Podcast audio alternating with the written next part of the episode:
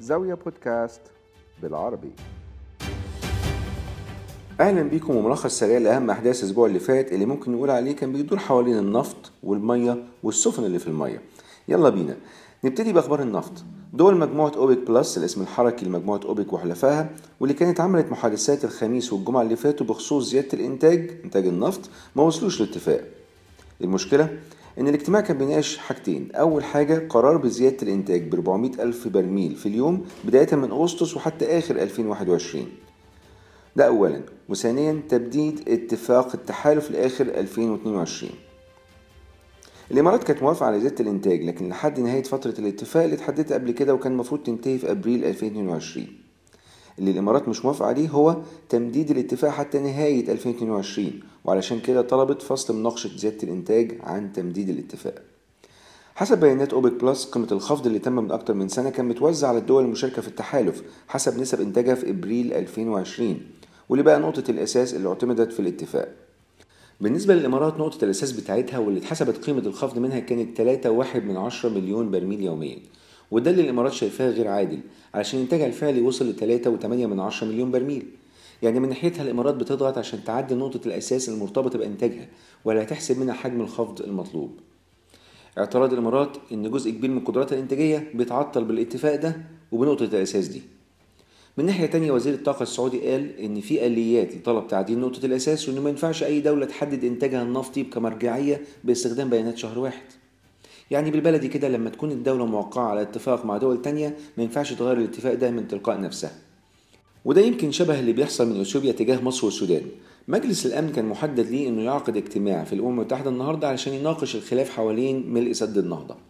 في الأسبوع اللي فات ده أثيوبيا بعتت لمصر اختار بالبدء في الملء الثاني لسد النهضة وردت مصر بخطاب رسمي لإثيوبيا بتوضح فيه رفضها للي اعتبرته انتهاك للقوانين والأعراف الدولية اللي بتحكم المشروعات المقامة على الأحواض المشتركة للأنهار الدولية.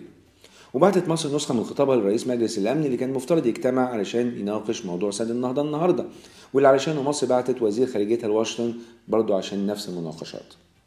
ولسه في مصر أعلنت هيئة قناة السويس عن إطلاق سراح سفينة إيفر جيفن اللي كان تم احتجازها من أكتر من 3 شهور وعليها بضائع بحوالي مليار دولار. الاحتجاز ده كان نتيجة جنوح السفينة واللي عطل حركة الملاحة في القناة قناة السويس. الإفراج عن السفينة جه بعد ما تم الاتفاق بخصوص التعويضات اللي مصر تستحقها تعويضا عن الأضرار اللي حصلت نتيجة جنوح السفينة واللي بعض المصادر قالت إنها بتدور في فلك ال 540 مليون دولار. ونرجع تاني للإمارات وسفينة تانية. امبارح الأربع بالليل الأجهزة المعنية في دبي سيطرت بكفاءة عالية على حريق شاب في حاوية على سفينة كانت تستعد إنها ترسي على رصيف من الأرصفة في ميناء جبل علي بعيد عن الخط الملاحي الرئيسي للميناء. واللي ما حصلش نتيجته أي إصابات أو وفيات الحمد لله. الحريق كان نتيجة انفجار في إحدى الحاويات بس فرق الدفاع المدني في دبي اتعاملت معاه بحرفية عالية أول ما حصل. بالفعل تم إخلاء السفينة من الطاقم بتاعها في الوقت المناسب. مش بس كده السفن التانية اللي في المينا ما اتضرتش من الحادث وحركة السفن كملت بصورة طبيعية في المينا.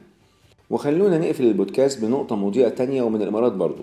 تم تصنيف الإمارات كمركز أول على مستوى منطقة الشرق الأوسط وشمال أفريقيا وكمركز ثامن عالميا في الاقتصاد اللا نقدي وده حسب التصنيف المدرج في تقرير الدول غير النقدية الصادر عن money.co.uk الموقع البريطاني المتخصص في المقارنات السعرية.